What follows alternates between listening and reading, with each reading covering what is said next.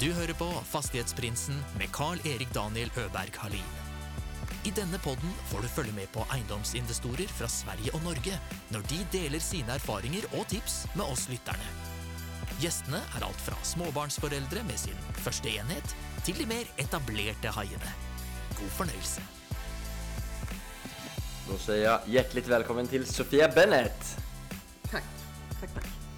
Så tack så mycket för att du tog dig tid till att dela med dig om din erfarenhet i fastighetsbranschen.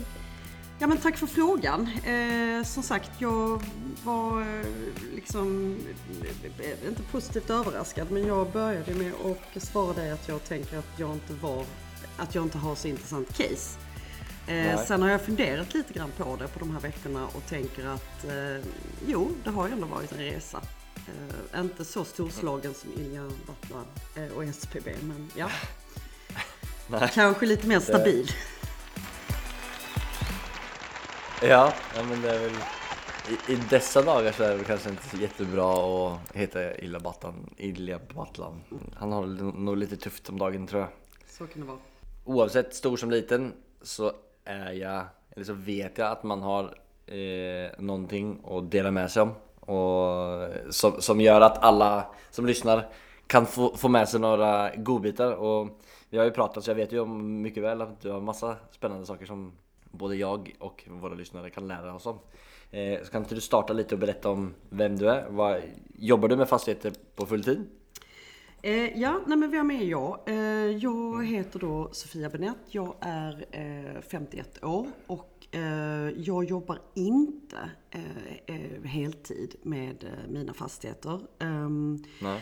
jag, och det tycker jag är en rätt så viktig fråga som du ställer för det tror jag också liksom att ehm, har man inte allt kapital i hela världen så, går ju inte det att göra från början så att säga.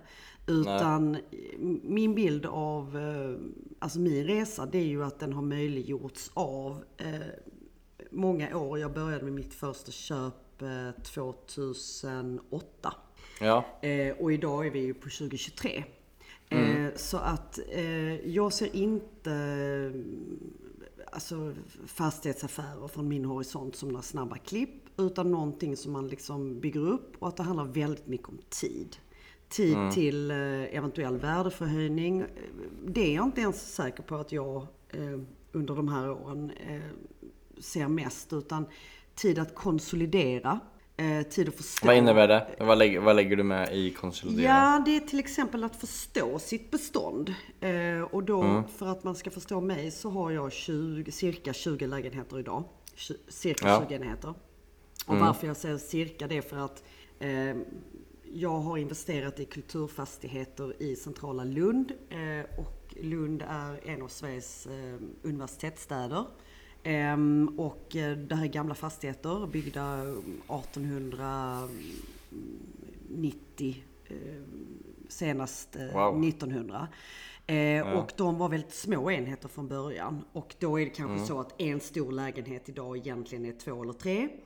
Och då har man möjlighet att, så att säga, har de varit det och dörrar inte är stängda så har man möjlighet att återställa eh, dem.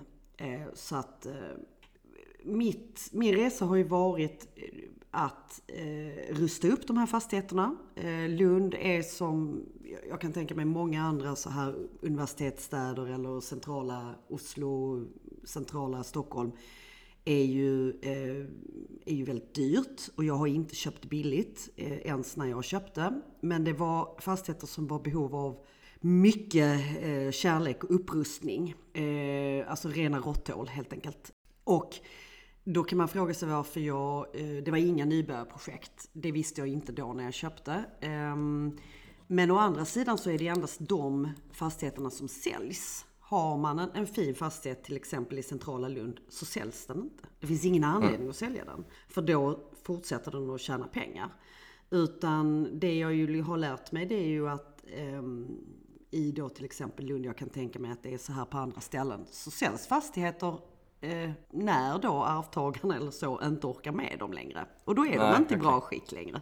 Men var det det som hände med dig? Ja, eh, det var det som hände med mig. Eh, och, Mm.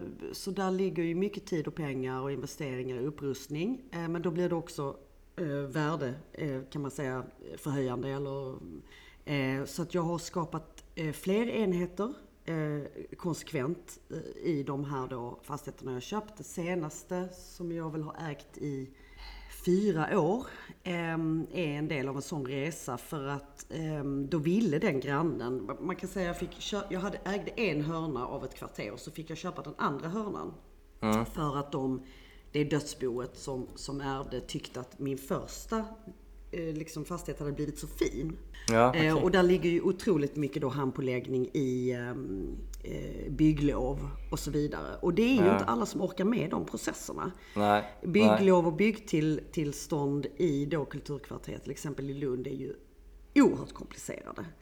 Eh, och det gör ju att, att jag, eh, jag sitter själv faktiskt i byggnadsnämnden idag eh, som politiker i Lund. Eh, och det är också ett rätt så spännande arbete. Det är ingen, i och för sig ingen intressekonflikt för just nu så söker jag ingen bygglov.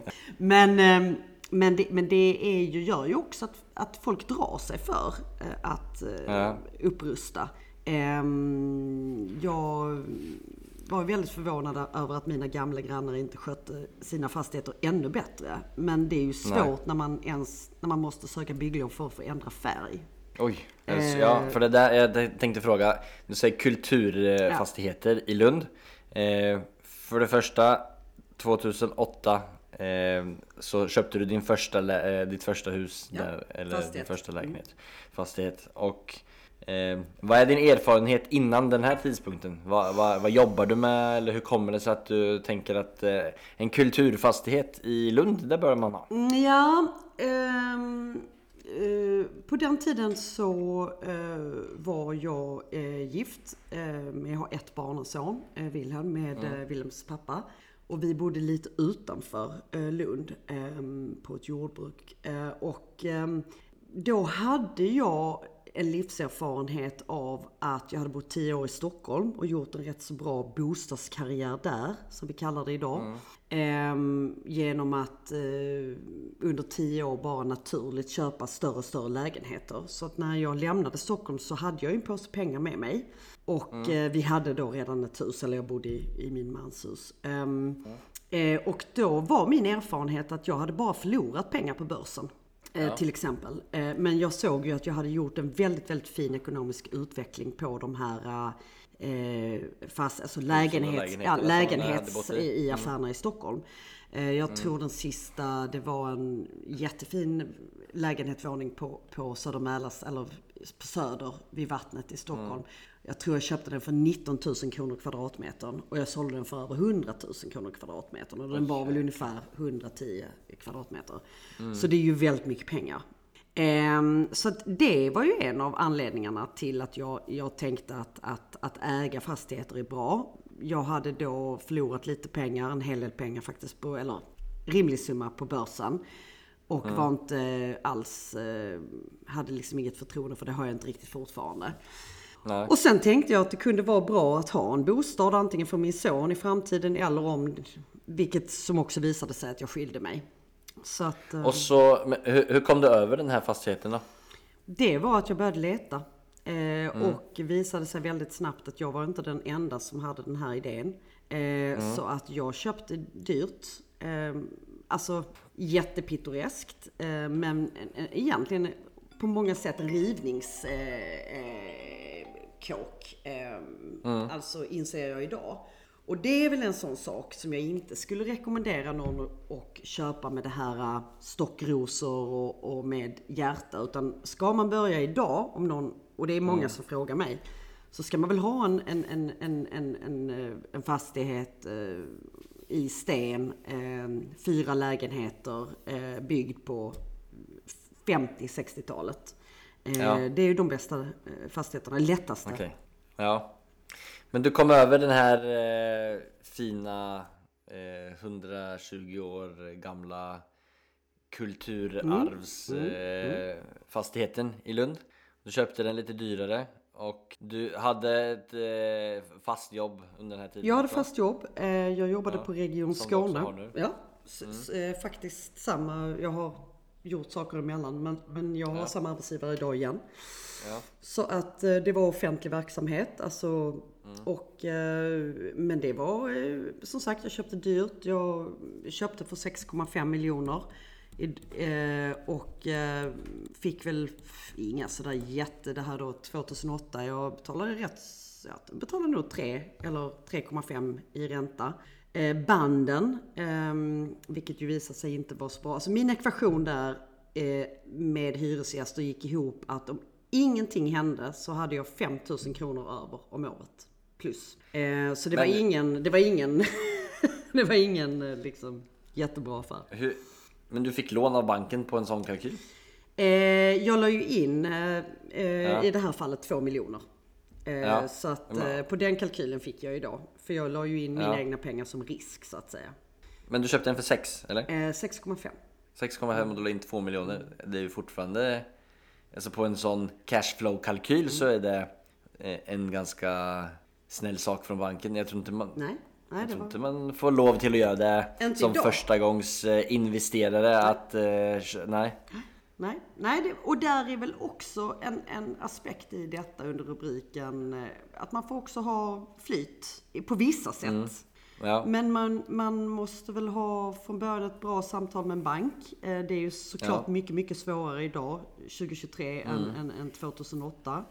Ehm, ja, eh, man måste ha flyt att det inte händer någonting. I mitt fall att jag inte hittade mer saker än vad jag gjorde. Eh, Alltså att huset var mer stökigt. Alltså Ja. att du var tvungen att fixa ordning mer än vad du var, än vad du var tvungen att göra. Precis. Och det var ren, eh, det är ren chansning inser jag idag. Jag förstod inte alls när jag Ja. gjorde detta vilken, vilken stor risk det var. Det förstår Nej. jag idag. Ja, nej för du hade ju kunnat, du hade ju kunnat och rycka på massa dyra kostnader om eh, Absolut. rören ble, gick sönder. Eh, Hur hade man löst det liksom? Ja, nej det... Det, eh, alltså, det kan jag inte svara på. Nej, Det, nej, vi har bara bara nej. tur att det, inte, att det inte hände. Men det är ju sådär, alltså, och det vet man ju inte. Det kan ju hända vem som helst oavsett hur, hur, vi- om du har lagt in kalky, i, i kalkylen så händer det ju saker. Man, Ja. alltså, se bara det som har hänt de sista två åren. Det är ju Exakt. in, inte så många av de händelser, hän, händel, stora händelserna som har hänt de sista åren som jag tror att någon investerare lägger in i en kalkyl. Nej. Alltså, hur, hur kalkylerar man att det, att det kan bli ett krig? Eh, och vilka konsekvenser det Nej, kan och få? covid, alltså en pandemi. Ja. Nej. Och hur ska det här spela ut sig? Det vet man ju inte. Det visste man inte ens när man visste att det var covid. Nej. Man kunde inte se hur det skulle, hur det skulle påverka hyresgäster eller, eh, eller banker eller eh, andra typer av eh, situationer som påverkar. Men eh, då, när du har köpt det här huset, du jobbar fulltid. Eh, var det så att du kunde hyra ut det direkt? Ja. Eller var du tvungen att fixa en del? Nej, det är ju då... Eh, där tror jag man får tänka på liksom att, att det finns, kan finnas olika ekvationer eh, och olika eh, saker som är attraktiva. Det som då aldrig är ett problem i en stad som Lund, det är att du Ja. inte kan hyra ut.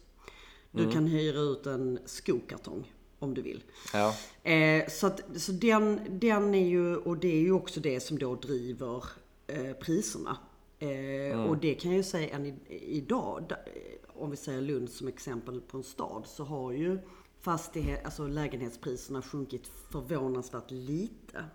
Eh, Det som händer här det är ju att folk bara slutar sälja.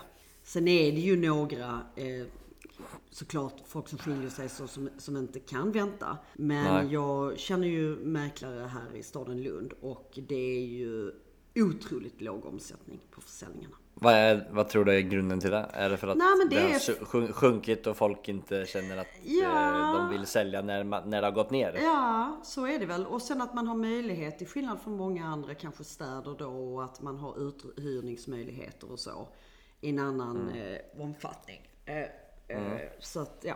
Men är det, eh, i, i Norge så är det väldigt vanligt med att hyra ut en del av sin egen eh, villa eller Mm. en, en, en, eh, hyra ut en del av lägenhet eh, om man har möjlighet till det. Är det vanligt att göra det i Lund också? Att man hyr ut, alltså som attefallshus Mm. är ju I Lund, är det, då? I Lund är det ju, eh, är det ju, eh, är det ju mycket vanligare. Än, skulle jag säga. Eh, Ja. nu, jag har inte statistik på detta. Men eh, här är ju alltså ombyggda garage, alltså lovligt. Eh, Ja, man ja. utnyttjar ju alla möjligheter för att det, Man gör det? Ja, det gör man. Många gör det. Jag märker också i samtal, tycker jag, att i, just av denna då tid vi är nu, att folk är mycket, mycket mer eh, inställda på inneboende. Om man har en stor lägenhet, man har ett extra rum och så. Ehm, så att, och det tror jag, det kommer nog att hålla i sig liksom. Att man, Ja. ehm, just för att man då vill stärka sin egen ekonomi och inte komma till det att man eh, vill... Hur är skattereglerna i, när man hyr ut en del av sitt eget boende? Eh, det kan jag inte svara på. Eh, det vet jag inte. Eh, men, men jag tycker att det är ett problem eh, ur svensk synvinkel eftersom jag är rätt så insatt i till exempel hur boligmarknader fungerar både i Danmark och Norge. Att eh, den här konstruktionen med BRF, alltså bostadsrättsföreningar, den är, anser jag är helt förlegad i Sverige. Eh, det här att ehm, du inte har lagfart på, din, på ditt ägande. Som är idag den största affären som de flesta människor gör i hela sitt liv. Att du köper en, Va? en, en våning på 8 miljoner kronor, 10 miljoner kronor. Och så är det egentligen föreningen ju som, som sitter med, eh, alltså föreningarna är ju ekonomiska föreningar. Och du har ju inte, du har ju ett andelstal i föreningen och inte en lagfart på, din, på din lägenhet. Alltså lagfarten är eh, BRF, alltså dokument, nej, men dokumentet som man äger, Ja. som visar att man äger eh, fastigheten. Ja. Eller lägenheten. Ja. Och det är ehm, alltså föreningen som äger själva eh, De äger de stora tillgångarna. Ja. Så då är, och du äger rätten att bo där och du köper en rätt att bo i den lägenheten. Ja, du, där- nej. eh, nej, du är medlem i en förening. Och så är du tilldelad Okej. en lägenhet. Men, men eh, alltså en oseriös, det har vi ju då sett skandaler eh, i Malmö, eh, föreningen Ida som ju har gått i konkurs. Får du, har du en stor förening med en oseriös styrelse så kan ju de ta upp lån på hela föreningen. Kan den gå Okej. i konkurs. Oj.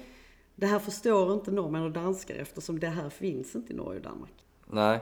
Men detta är en politisk Nej, jag- fråga. Min Ja. poäng är att detta drev även mitt val. Och det är att jag vill inte investera i någonting som jag inte hade lagfart i. Nej precis. Och det är liksom en, en, en, för att då kan du inte hyra ut. Du sitter i knät på föreningen vad du får lov att göra. Du måste söka om tillstånd och vissa föreningar är otroligt hårda. Att du, folk som inte är medlemmar får inte bo över i lägenheten. Alltså, så, att, så det var ju en, en tydlig drivkraft till mig. Det är att jag vill investera i fastighet men jag skulle absolut ha lagfart. Ja. Men du köpte den här och hur du, den var uthyrd eller du hyrde ut den direkt? Eh, ja, där var Vad var det en- som hände? Eh, Det var fyra lägenheter i den och de, de blev uthyrda direkt. Eh, Ja. Och sen vad som visade sig det var att jag tyckte det var kul. Eh, Jag tyckte det var roligt med hyresgäster. Eh, Och jag var rätt så duktig på detta. Eh, Eller, och så köpte jag en fastighet till. Ett år senare. Äger du, äger du den här privat då eller äger du den i ett företag? Nej, de har jag ägt eh, privat. Än idag så, Ja. så, så har jag eh, ett, eh, en enskild firma. Och det har varit banken som har drivit det för de vill hellre låna ut till mig som enskild firma för det är säkrare lån för dem. Okej. Kan du förklara lite på vilket sätt det är säkrare lån för dem? Ja, jag vet inte längre om det ens är det. eh, Men, men det är väl det är lättare helt enkelt. Därför att jag är då personligt ansvarig för de här lånen. Eh, Jag är inte så insatt i de här reglerna. Och jag har en väldigt duktig revisor. De sa eh, så här. Men nåväl, vi säger i alla fall att året är eh, 20, eh, 2010. Eh, Och jag inser att jag som småbarnsmamma, heltidsarbetande, inte mäktar med två stycken eh, total, eh, vad heter det, Re- Renoveringar? renoveringsprojekt. Så då säljer jag den här första fastigheten och tjänar Okej. eh, 4 miljoner kronor. Och där är det första steget till att det liksom blir luft i, vad kan man säga, systemet.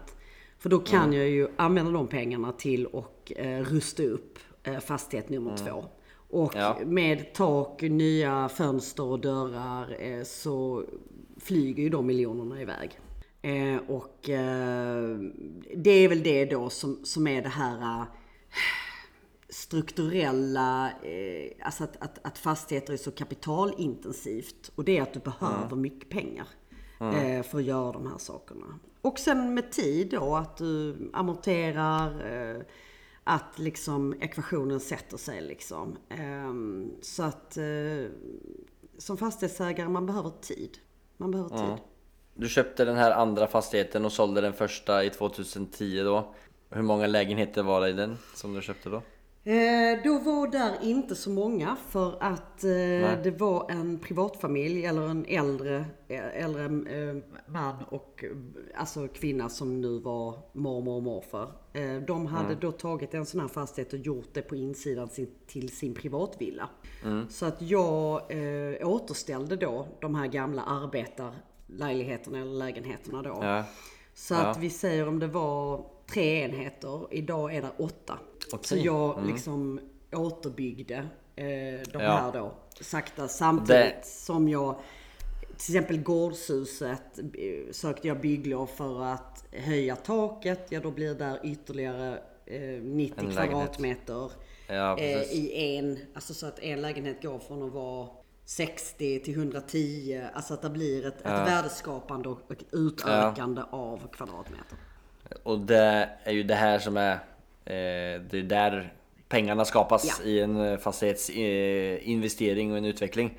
Att man gör om eh, outnyttjat areal till utnyttjbart areal och, och också då kanske delar upp eh, till, till flera lägenheter vilket gör att man får mer hyresintäkter. Eh, som då går från tre till åtta enheter. Så, eh, vad, vad var det som hände då med värdet i den fastigheten? Alltså från om du köpte, vad var det du köpte den för och vad, vad var det det blev värt till slut? Ja, det är ju en rätt så bra fråga. Eh, vad gav jag för den ripa? Eh, jag gav väl 7 miljoner ungefär för den. Och igen, när jag köpte den så var det väldigt högt pris. Ehm, och eh, Men var det prisat in potentialen i att det fanns möjlighet till åtta lägenheter? Eller var det bara du som såg det? Ja du, det är, det är en jättebra fråga. Jag tror nog att någon annan eh, kanske möjligen såg det. Men det är ju ändå väldigt mycket pengar för någonting som du helt ska rusta upp. Alltså idag har jag ju väldigt, väldigt flotta bilder. Eh, både på utsida och insida och nya badrum och så. Men det där är ju väldigt svårt att föreställa sig. Eh, Ja. när man står, eh, så att säga. Ja, det är möjligt att någon som är oändligt mycket mer professionell som har jobbat med detta i hundra år kan se sådana saker framför sig. Eh, Men det är klart att, jag menar intäktssidan eh, blev ju oändligt mycket bättre. Men det var ju först efter renovering och bygge. Ja, Så att, ja. Ja. Och, och kalkyler i all ära, det är klart att vi jobbar med kalkyler. Men du har ju redan varit inne på det. När ett tak brister, hur länge håller Mm. det? Eh, byggnationer. Det här är Mm. de fastigheterna jag har jobbat med. Det är ingen byggare som någonsin har gett mig fast pris för att det är så gammalt. Det, ingen har gjort det. Så att du Ja. måste ju hela tiden man måste Nej. ju hela tiden förhålla sig till att det här kostar cirka en miljon. Men alla vet ju att är skillnaden mellan Ja, en och ja. två miljoner är oändlig. Eh, så att eh, hade inte jag haft ett eget liksom, hjärta i detta, eh, då hade man ju aldrig orkat med det. Och där tror jag att det kanske kommer eh, liksom in att det har varit de här pittoreska, väldigt svårarbetade fastigheterna. För hade inte jag gillat det, då hade jag inte kunnat göra det. Nej, jag tycker... Jag, Vad är det du tycker om jag det gillar, jag gillar När att du gå säger förbi så, vad är det det. du Jag tycker om? gillar Vad är att det som ser gör väldigt att prydligt du- ut. Jag sköter mina rosor minutiöst. Ja. Det ser ut som ett vykort. Och jag gillar skönheten i det. Och hade jag inte gjort det hade jag aldrig orkat. För att jag har ju arbetat obetalt med detta i alla dessa Nej. år. Ja, nej men det är det. Vi hade, jag hade ett eh, fastighetsevent igår där eh, många av tidigare gästerna eh, var med. Eh, och då sitter man ju där och pratar med, med, med alla som precis gör det du gör. Och det är ju just där som man ser eh, hos alla. Alla har en sån passion för det man håller på med. Eh, om det då är man håller på med uthyrning eller man håller på med att utveckla eller bygga men så är det bara. Det, det, det är nästan så att de inte kan förklara exakt vad det är. Men det är bara, det här är det jag är gjord för. Jag älskar att, att göra det. Och det måste man göra. Det, det är väl en bok, eller den här eh, eh, Månsson, vad heter den? Ja, nu kommer jag inte ihåg vilken bok det är men, men det, det, det finns en bok i alla fall som är väldigt bra Som, som, som, eh, som han säger att man måste älska problemen som, eh, som det, det medför när man håller på med Jag, jag tror, när någon annan har frågat mig om detta, att, att en av mina stora eh, fördelar i detta som jag liksom inte kände till då sen innan, eller som passade med detta, det är att jag är en väldigt nyfiken person. Jag gillar att lära mig saker. Och eh, att gilla att rensa rör klockan eh, 5.30 på morgonen i minusgrader för att, eh, eller om där är en vattenläcka och man sitter och väntar på så här rörakuten. Ehm, man måste kunna se charmen med de här utmaningarna. Gör man inte det står man inte ut. Ehm, och ehm, Eh, du, du frågade här inför den här intervjun om vilka böcker om fastighetsförvaltning eller så. Jag har, jag har läst noll ehm, böcker och det kan man ju också. Jag är en väldigt läsande person. Eh, så det var ju, funderade på att det var lite konstigt men det, det har jag aldrig gjort. Jag tror väldigt mycket, eller när jag ser på min egna process nu som ju ändå är då 15 år.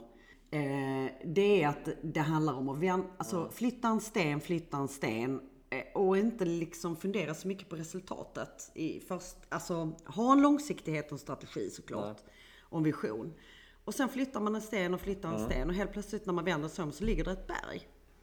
Ehm, Ja men och man måste ju, och man, måste, tycka om man och måste hålla på och flytta sten gilla det. Man kan i alla fall inte ogilla det. För då orkar man inte. Eh, The Subtle Art of Not Giving a Fuck med Mark Okej. Monson var den boken jag letade efter. Eh, nej men precis, det där är ju liksom essensen att man måste älska det man håller på med och det finns ju mm, otagliga historier om folk som har eh, hört att det är passiva intäkter att få när man köper en fastighet och det är ju de som gärna går i konkurs eller säljer eh, till eh, förlorade priser för att man inte tyckte om det man höll på med. Eh, om du ser tillbaka på den här strategin som du valde. Om, hade du gjort någonting annorlunda idag? Hade du valt en annan strategi? Jag vet inte. Jag hade nog Nej. försökt vara ännu bättre på att handla upp. Ehm, jag tyckte nog att jag har varit, eh, det har gått rimligt bra men eh, alltså man kan alltid göra saker bättre och det är så väldigt lätt att vara efterklok. Ja, ja, alltså den mängden av kunskap och de sakerna jag har lärt mig i detta är ju oändlig. Ehm, Och det är ju också det att man får betala för vissa eh, lärdomar. Eh, jag har ju gått igenom då ett visst antal byggare, eh, ett visst antal elfirmor. Och det jag har lärt mig det är detta att om jag inte har bra kommunikation med en leverantör, alltså då måste det sluta direkt. Eh, det här är ju en väldigt mansdominerad bransch. När jag började så kände jag att jag eh, liksom blev sedd lite som en ung och dum eh, eller så naiv, lallig. Ehm, och då var jag ju ändå småbarnsmamma och, och över 40 liksom. Ehm, eller eh, runt 40. Men, men om jag inte känner att, att samtalet och att folk lyssnar på mig och att det är respons och att då, då avslutar jag samarbetet direkt. Eh, Har du någon, har du, har du någon dålig erfarenhet av eh, alltså hantverkare eller... Eh, Ja, alltså Ja, andra typer absolut. Eller alltså, och där vill inte jag säga att det är dålig då ligger det ju i att, att det är hantverkaren som är dålig. Men att det är ju jättemånga samarbeten som inte fungerar. Ehm, ja, det är ju hur många som helst. Idag har jag ju hittat ett, ett, eh, en setup som är fantastisk. Jag har en otroligt bra relation med, med Thulins el. Jag tror det är den äldsta el eh, så här eh, liksom i, i Lund. Eh, och där har jag liksom en kille som jag jobbar med och ehm, har en jättebra dialog med ägarna. Och, eh, men, men jag har ju också fått liksom, de har ju sett vad jag har gjort och jag upplever att de respekterar väldigt mycket min resa. Men det här är ju 15 Ja. år senare. Så att idag har jag en jättebra relation med min byggare. Eh, jag liksom Så att, men, men det här har ju kostat tid och energi. Och ehm, eh, den första Ja. el, eh, eh, när vi gjorde det första by- bytet av el, eh, det kostade 400 000 mer än vad det skulle. Dels för att jag inte var tillräckligt duktig upphandlare. Sådär. Så, att, så att det är klart att det kostar. Men när du säger att, att du inte var tillräckligt duktig upphandlare, är det att du har specificerat vad det är som du har behov för? Eller? Nej, det är att man lär sig. Man lär sig hur man ska eh, s- starta byggprojekt. Alltså det, och det kostar ju att lära sig saker. Ja. Nej, Men vad, vad var det som gjorde att det kostade mer? Alltså kunde du undgått att betala de 400 000? Eller det kanske Om du hade gjort det. 400 000. Ja, det hade Nej. det varit. Jag hade avbrutit det samarbetet mycket, mycket, mycket tidigare än vad jag gjorde. Okej. Vad, vad var det som, eh, bara Nej, så att jag upplevde- förstår, alltså, vad var det? jag, jag, där var ingen bra kommunikation. Eh, och eh, det, det, där var ingen bra kommunikation och eh, eh, jag hade så mycket andra saker och, så att jag släppte det och tänkte jag måste Mm. fokusera på andra saker. Eh, men sen blev det inte så bra och, och notan blev alldeles för dyr. Liksom. Ja, ja, men du litade på att den professionella parten skulle göra det de hade blivit anställda till att Ja, göra. ja. Ja, nej men det är ju en dyr lärpeng det där. Eh, du har cirka 20 lägenheter idag. Har det liksom varit samma konsekvens eller samma eh, sak du har köpt, renoverat och fått ökat Förädlat. värde, använt de pengarna och Ja. köpt en till. Det är så liksom Ja. som steget har varit. Ja. Mm. Det är jätteimponerande att du bara från, eh, från en idé har klarat av att förvärva och bygga upp ändå ett så pass stort och fint bestånd eh, Ja. som du Jag har. är jättenöjd. Tack. För du berättade ju lite om eh, att eh, hur du fick köpt några av de fastigheterna var ju för att du hade förädlat den ena eh, fastigheten och det är ju en, en, en sån fin gata i Lund där det är gamla hus och där sådana hus säljs ju inte så ofta och Nej. de som äger dem är precis som dig, de älskar dem, de tycker om dem och de vill eh, att de ska förvaltas på ett bra sätt. Kan du berätta lite om det? Hur du fick köpt en av dem på grund av det? Ja, nej men eh, detta hände ju då kan man ju säga på gatan. Så när man, ja förutom så upplevde jag att mina framförallt äldre grannar, de var väldigt uppskattande. Eh, Alltså kom, ofta frågade mig att de tyckte att liksom när jag satte in de här nya fina fönsterna. För då hade de kanske tänkt på det väldigt länge och byta fönster själv. Och då visste de ju att jag hade fått eh, tillstånd till att alltså då, eh, bygglov att använda de här speciella fönsterna, kulturfönster. Och, då, och vilka byggare jag använde och sådär. Och fick väldigt mycket liksom, positiv feedback. En granne, Sven, som dessutom hade varit så här näringslivschef i, i, i Lund. Han kom fram och sa att "Ja, det är helt fantastiskt och här är vi alla gamla gubbar här och så är det en, ändå en ung tjej som, som gör sin fastighet som den flottaste på hela, i hela kvarteret. Och det här, vi har ju gått och retat oss på den här fastigheten i alla år. Den har sett för hemsk ut. Eh, så det var ju väldigt mycket uppmuntrande ord. Eh, Men också då när det väl blev en försäljning. Eh, så, ville också, eller en del av det, hade jag inte haft pengarna hade jag inte fått köpa. Nej såklart. Ehm, men, eh, men en del i det är ju att, att man sen då har velat sälja till mig. För Ja. att jag ska göra samma resa med de här fastigheterna. Ja. Men det där är ju en liten sån lärdom som man kan ta med sig av det är ju att alltid göra ett bra jobb och allt. Alltså man, man, man vet egentligen inte vad allt bra jobb kan ge för utdelning i framtiden. Nej. Liksom som, som det där här öppnade upp sen möjligheten för att du hade gjort ett väldigt bra jobb. Och som gjorde att du fick en... Eh, eh, du hamnade lite före i kön. Alltså om det ska säljas för X kronor så vill vi gärna att du köper den Sofia. Det är ju eh, någonting som är värt att tänka på. Ja, men jag. så, är- så är det ju. Alltså, och det är väl också det här att vi, man inte vet i processen vad, vad saker ger och hur man... Eh, som, man kan ju såklart också bli ovän med en granne. Eh, Ja. eh, Man jag- kanske gör det för fint. Nej, jag har haft en granne som, som drog mig till eh, Länsstyrelsen va. Och det var dessutom eh, eh, en granne som, eh, ska inte nämna hans namn men man kan nog räkna ut han, han, han är den, en av de få svenskarna som har vunnit ett, en OS-medalj i fäktning. ja, nej, det var säkert svårt att hitta det. och eh, nej, han gillade inte att jag eh, öppnade upp eh, ny, alltså, nygamla, eller det hade varit dörrar där innan. Han, Ja. han ville inte ha fler grannar.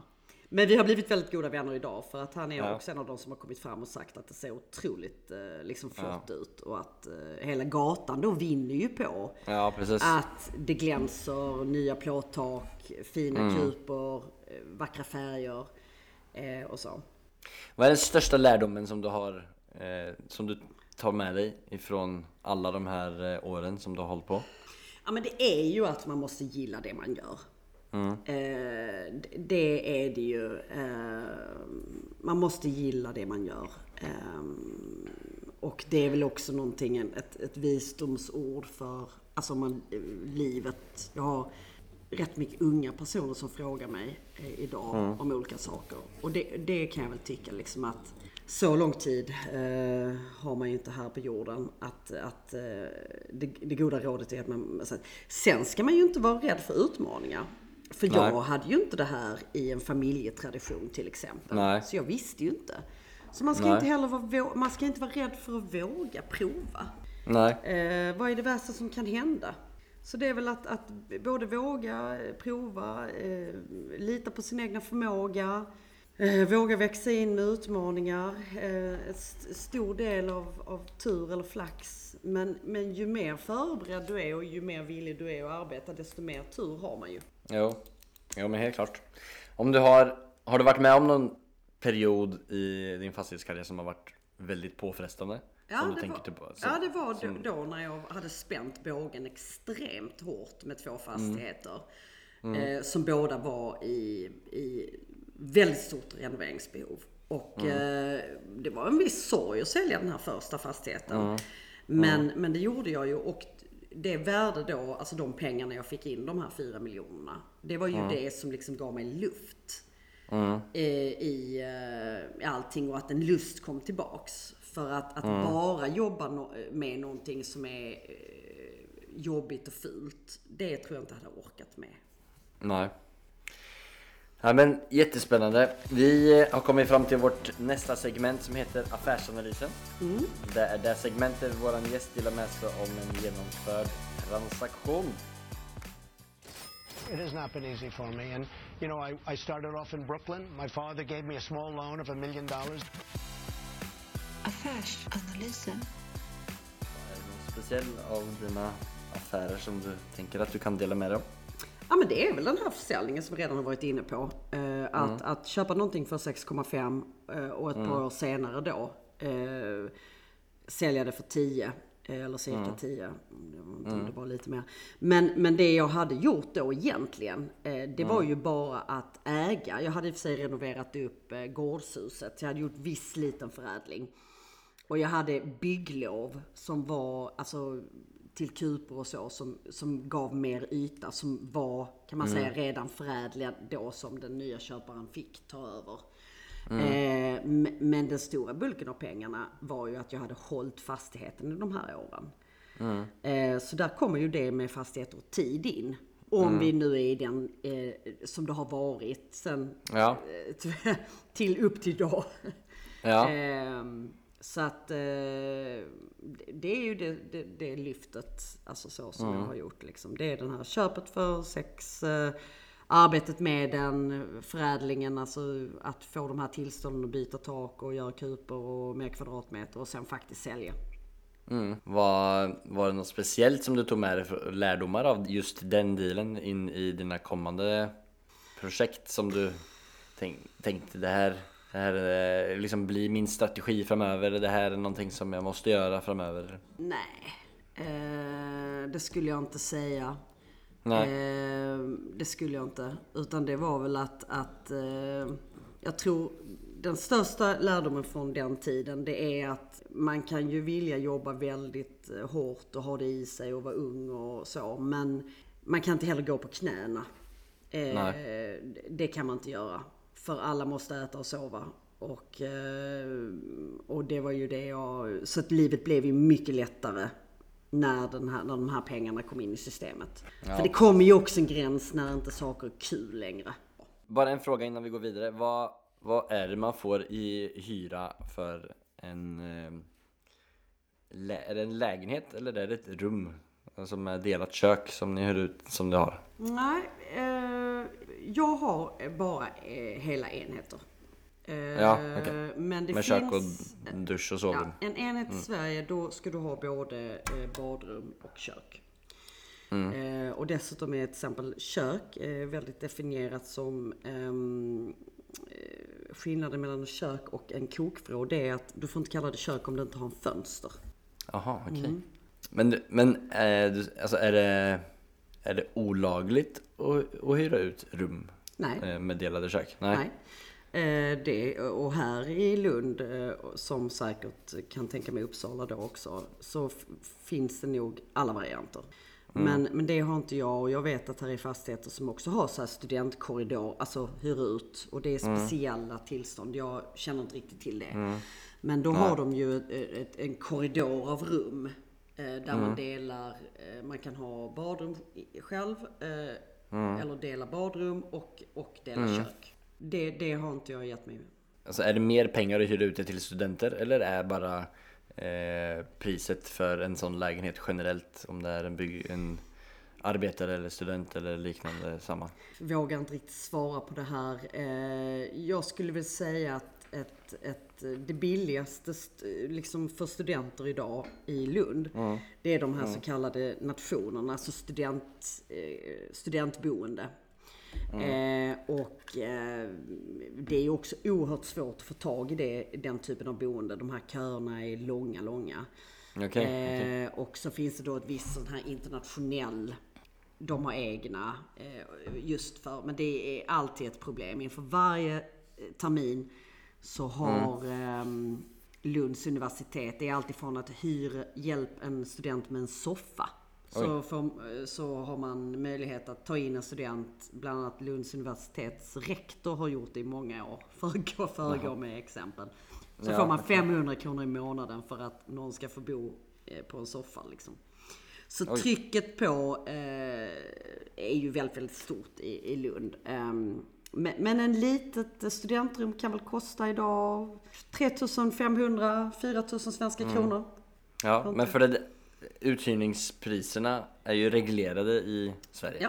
Så det, det finns ju, du kan ju inte ta marknaden, alltså det marknaden är villig till att betala. Utan då Precis. kan man vara tvungen att betala tillbaka. I, i, I Norge så är det ju möjligt att göra det. Mm. Alltså, om någon är villig till att betala 10 000 eh, på den här gatan för ett rum Mm. så eh, är det okej att göra det. Vad tycker?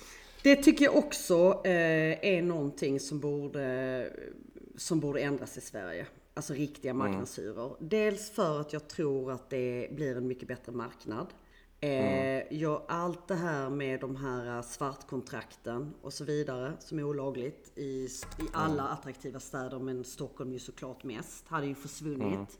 Eh, sen måste man ju säkert göra någon typ av infasning av det. Eh, sen har jag ju då, ehm, eh, eftersom jag är en rätt så eh, informationssökande person så har jag ju hyrt ut, det, det heter blockkontrakt i Sverige. Eh, och då måste man hyra ut minst tre, om jag minns rätt, lägenheter. Och då hyr man ut till ett företag. Och då är det, då är det en helt annan... eh, Då har Ja just du det, när man hyr ut till företag så har man inte den... eh, då har man inte samma. Ja, och det har jag gjort. Så att jag har gjort Ja. ut eh, med stor framgång. Eh, Det här var innan eh, pandemin. Men Mm. då hade i, i en fastighet hade jag bara sådana kontrakt. Så det är också sånt som man måste, om vi ska prata om framgångsfaktorer, att man måste vara informationssökande. Och vända och vrida på saker. Ja men su- superbra, tack för att du delar med dig av det. Då hoppar vi vidare till vårt sista segment som heter Fyra frågor. Och det är de samma fyra frågorna som vi ställer våran gäst.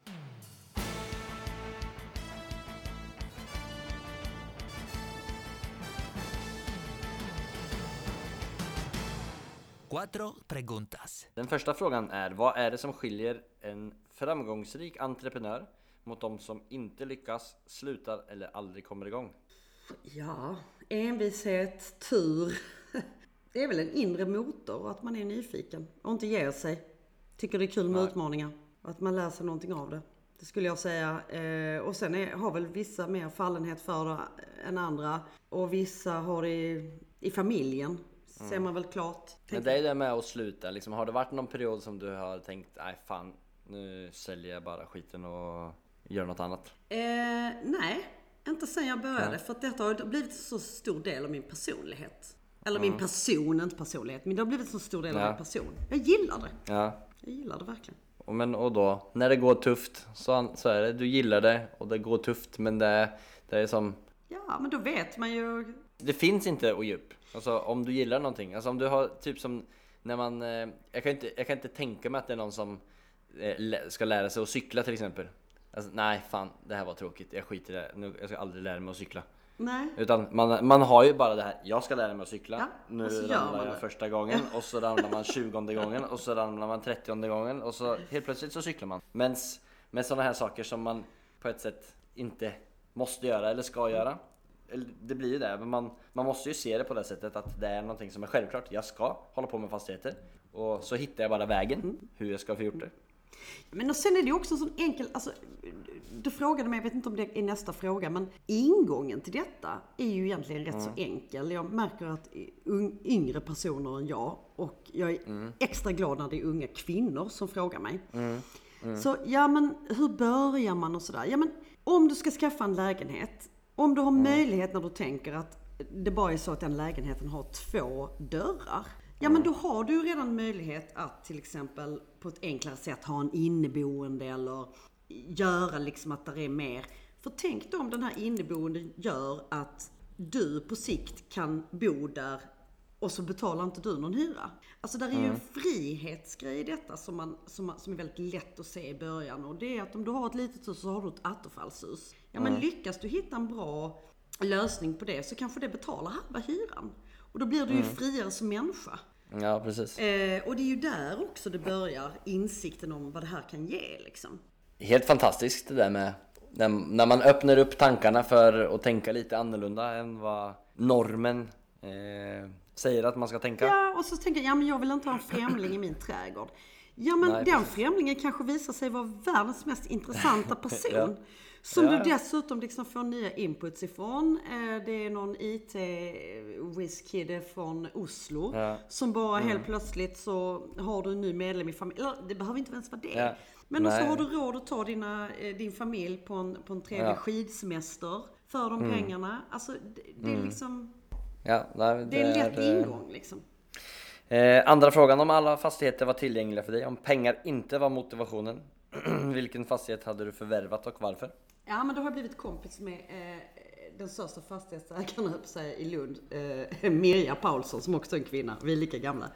Det var hennes Ja. pappa som kallades glasmästaren i Lund. Alla känner till honom här i Lund. Eh, hon har ju några av Lunds stads absoluta prestigefastigheter. Så här, eh, Nordens äldsta apotek.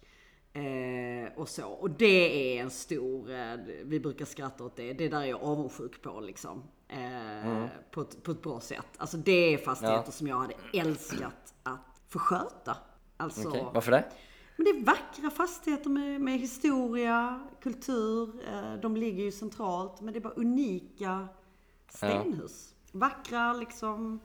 Mm. Eh, hjärta, en del av staden. Eh, det, hade jag, det hade jag velat äga. Ja, ja men det är spännande. Där, eh, det låter som att du gillar det här gamla fina Ja. histori- Ja. historiska grejerna. Ja. Ja men så det förstår jag. Om, eh, du sa tidigare att du inte har eh, läst så mycket böcker om eh, fastigheten. Är det, har du något typ av boktips för en som är intresserad i fastighetsinvesteringar? Nej. Nej. Nej men jag tänker så här att om man nu verkligen vill lära sig, det är ju bara, då tänker jag snarare att det är liksom Dagens Industri eller du vet, lyssna på en intervju med Akelius eller jag tror att det ger mer. Eh, Lyssna på din podd. Det är nog mycket, mycket bättre tips. Det här är väldigt handgripligt. Vill du inte städa det- trappor, vill du inte rensa rör, nej men då ska du inte med fastigheter. Om du inte har enormt mycket pengar liksom, så att du inte behöver göra Ja. det själv. Ja men det är eh, visa ord, visa ord. Det är många som, det är faktiskt väldigt många som säger att de inte läser så mycket böcker också och det är ju många sätt att hitta information idag. Bara ut och sök det och följ ditt hjärta.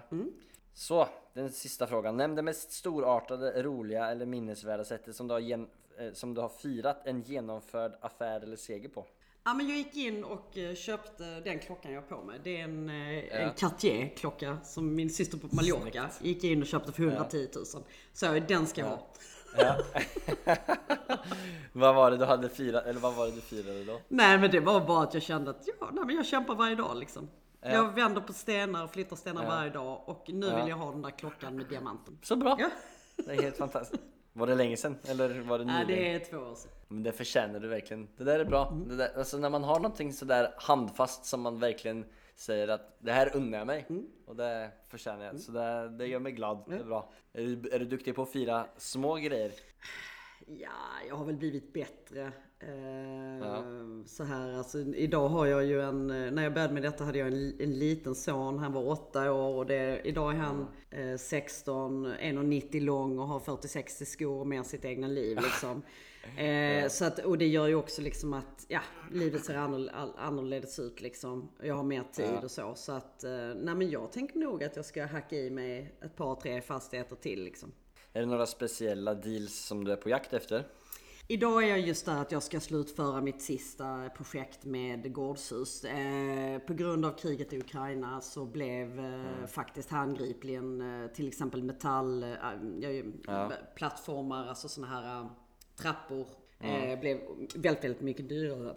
Så en trappa som jag inte hade, som jag hade tagit offert på men inte låst affären. Ja men den skulle kosta 170 000 och den slutade med att den kostade 210 eller 310. Och när Ja, du har ja. för mycket sådana saker. Så att jag har, jag har ett gårdshus med två enheter kvar. Så att jag tänker, eh, nu pausar jag lite. Eh, Som vi vet, räntorna har stigit. Eh, Jag gör det troligen nästa år. Och sen får vi ta nya tag. Mm. Så du ska, du ska vänta på att renovera och sen så ska du köpa upp någonting. Du är, inte, int- är du intresserad av att samarbeta med någon? Eh, alltså en annan typ av Investor eller eh, annan utvecklare för att komma vidare eller är du, Ja. kör du vidare?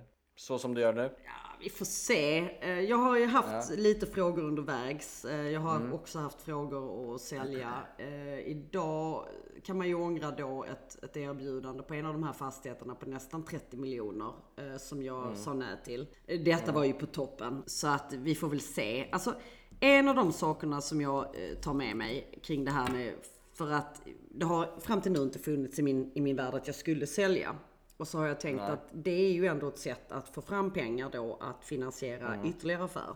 Eh, men det är ju också så att eh, försäljningar, jag har, inte, jag har inte tittat på detta exakt hur man gör med, eh, nu ligger ju inte detta i, i ett AB ännu och så, men det är ju också så att jag har så pass hög intjäning idag att, att för mig att sälja, eh, om vi ska vara lite rough, alltså om jag skulle sälja och den vinsten jag skulle få i pengapåsar i handen, det är ju samma pengar om jag bara behåller fastigheten och äger den i 10 år så har jag samma pengar.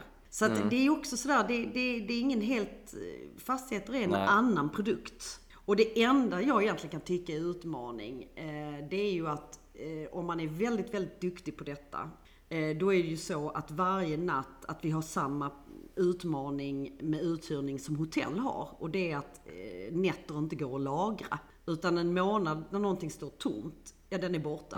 Så att eh, man, det gäller ju att vara snabbfotad och eh, liksom s- skaffa bra- alltså bra hyresgäster och så att, att man har mindre problem än mer.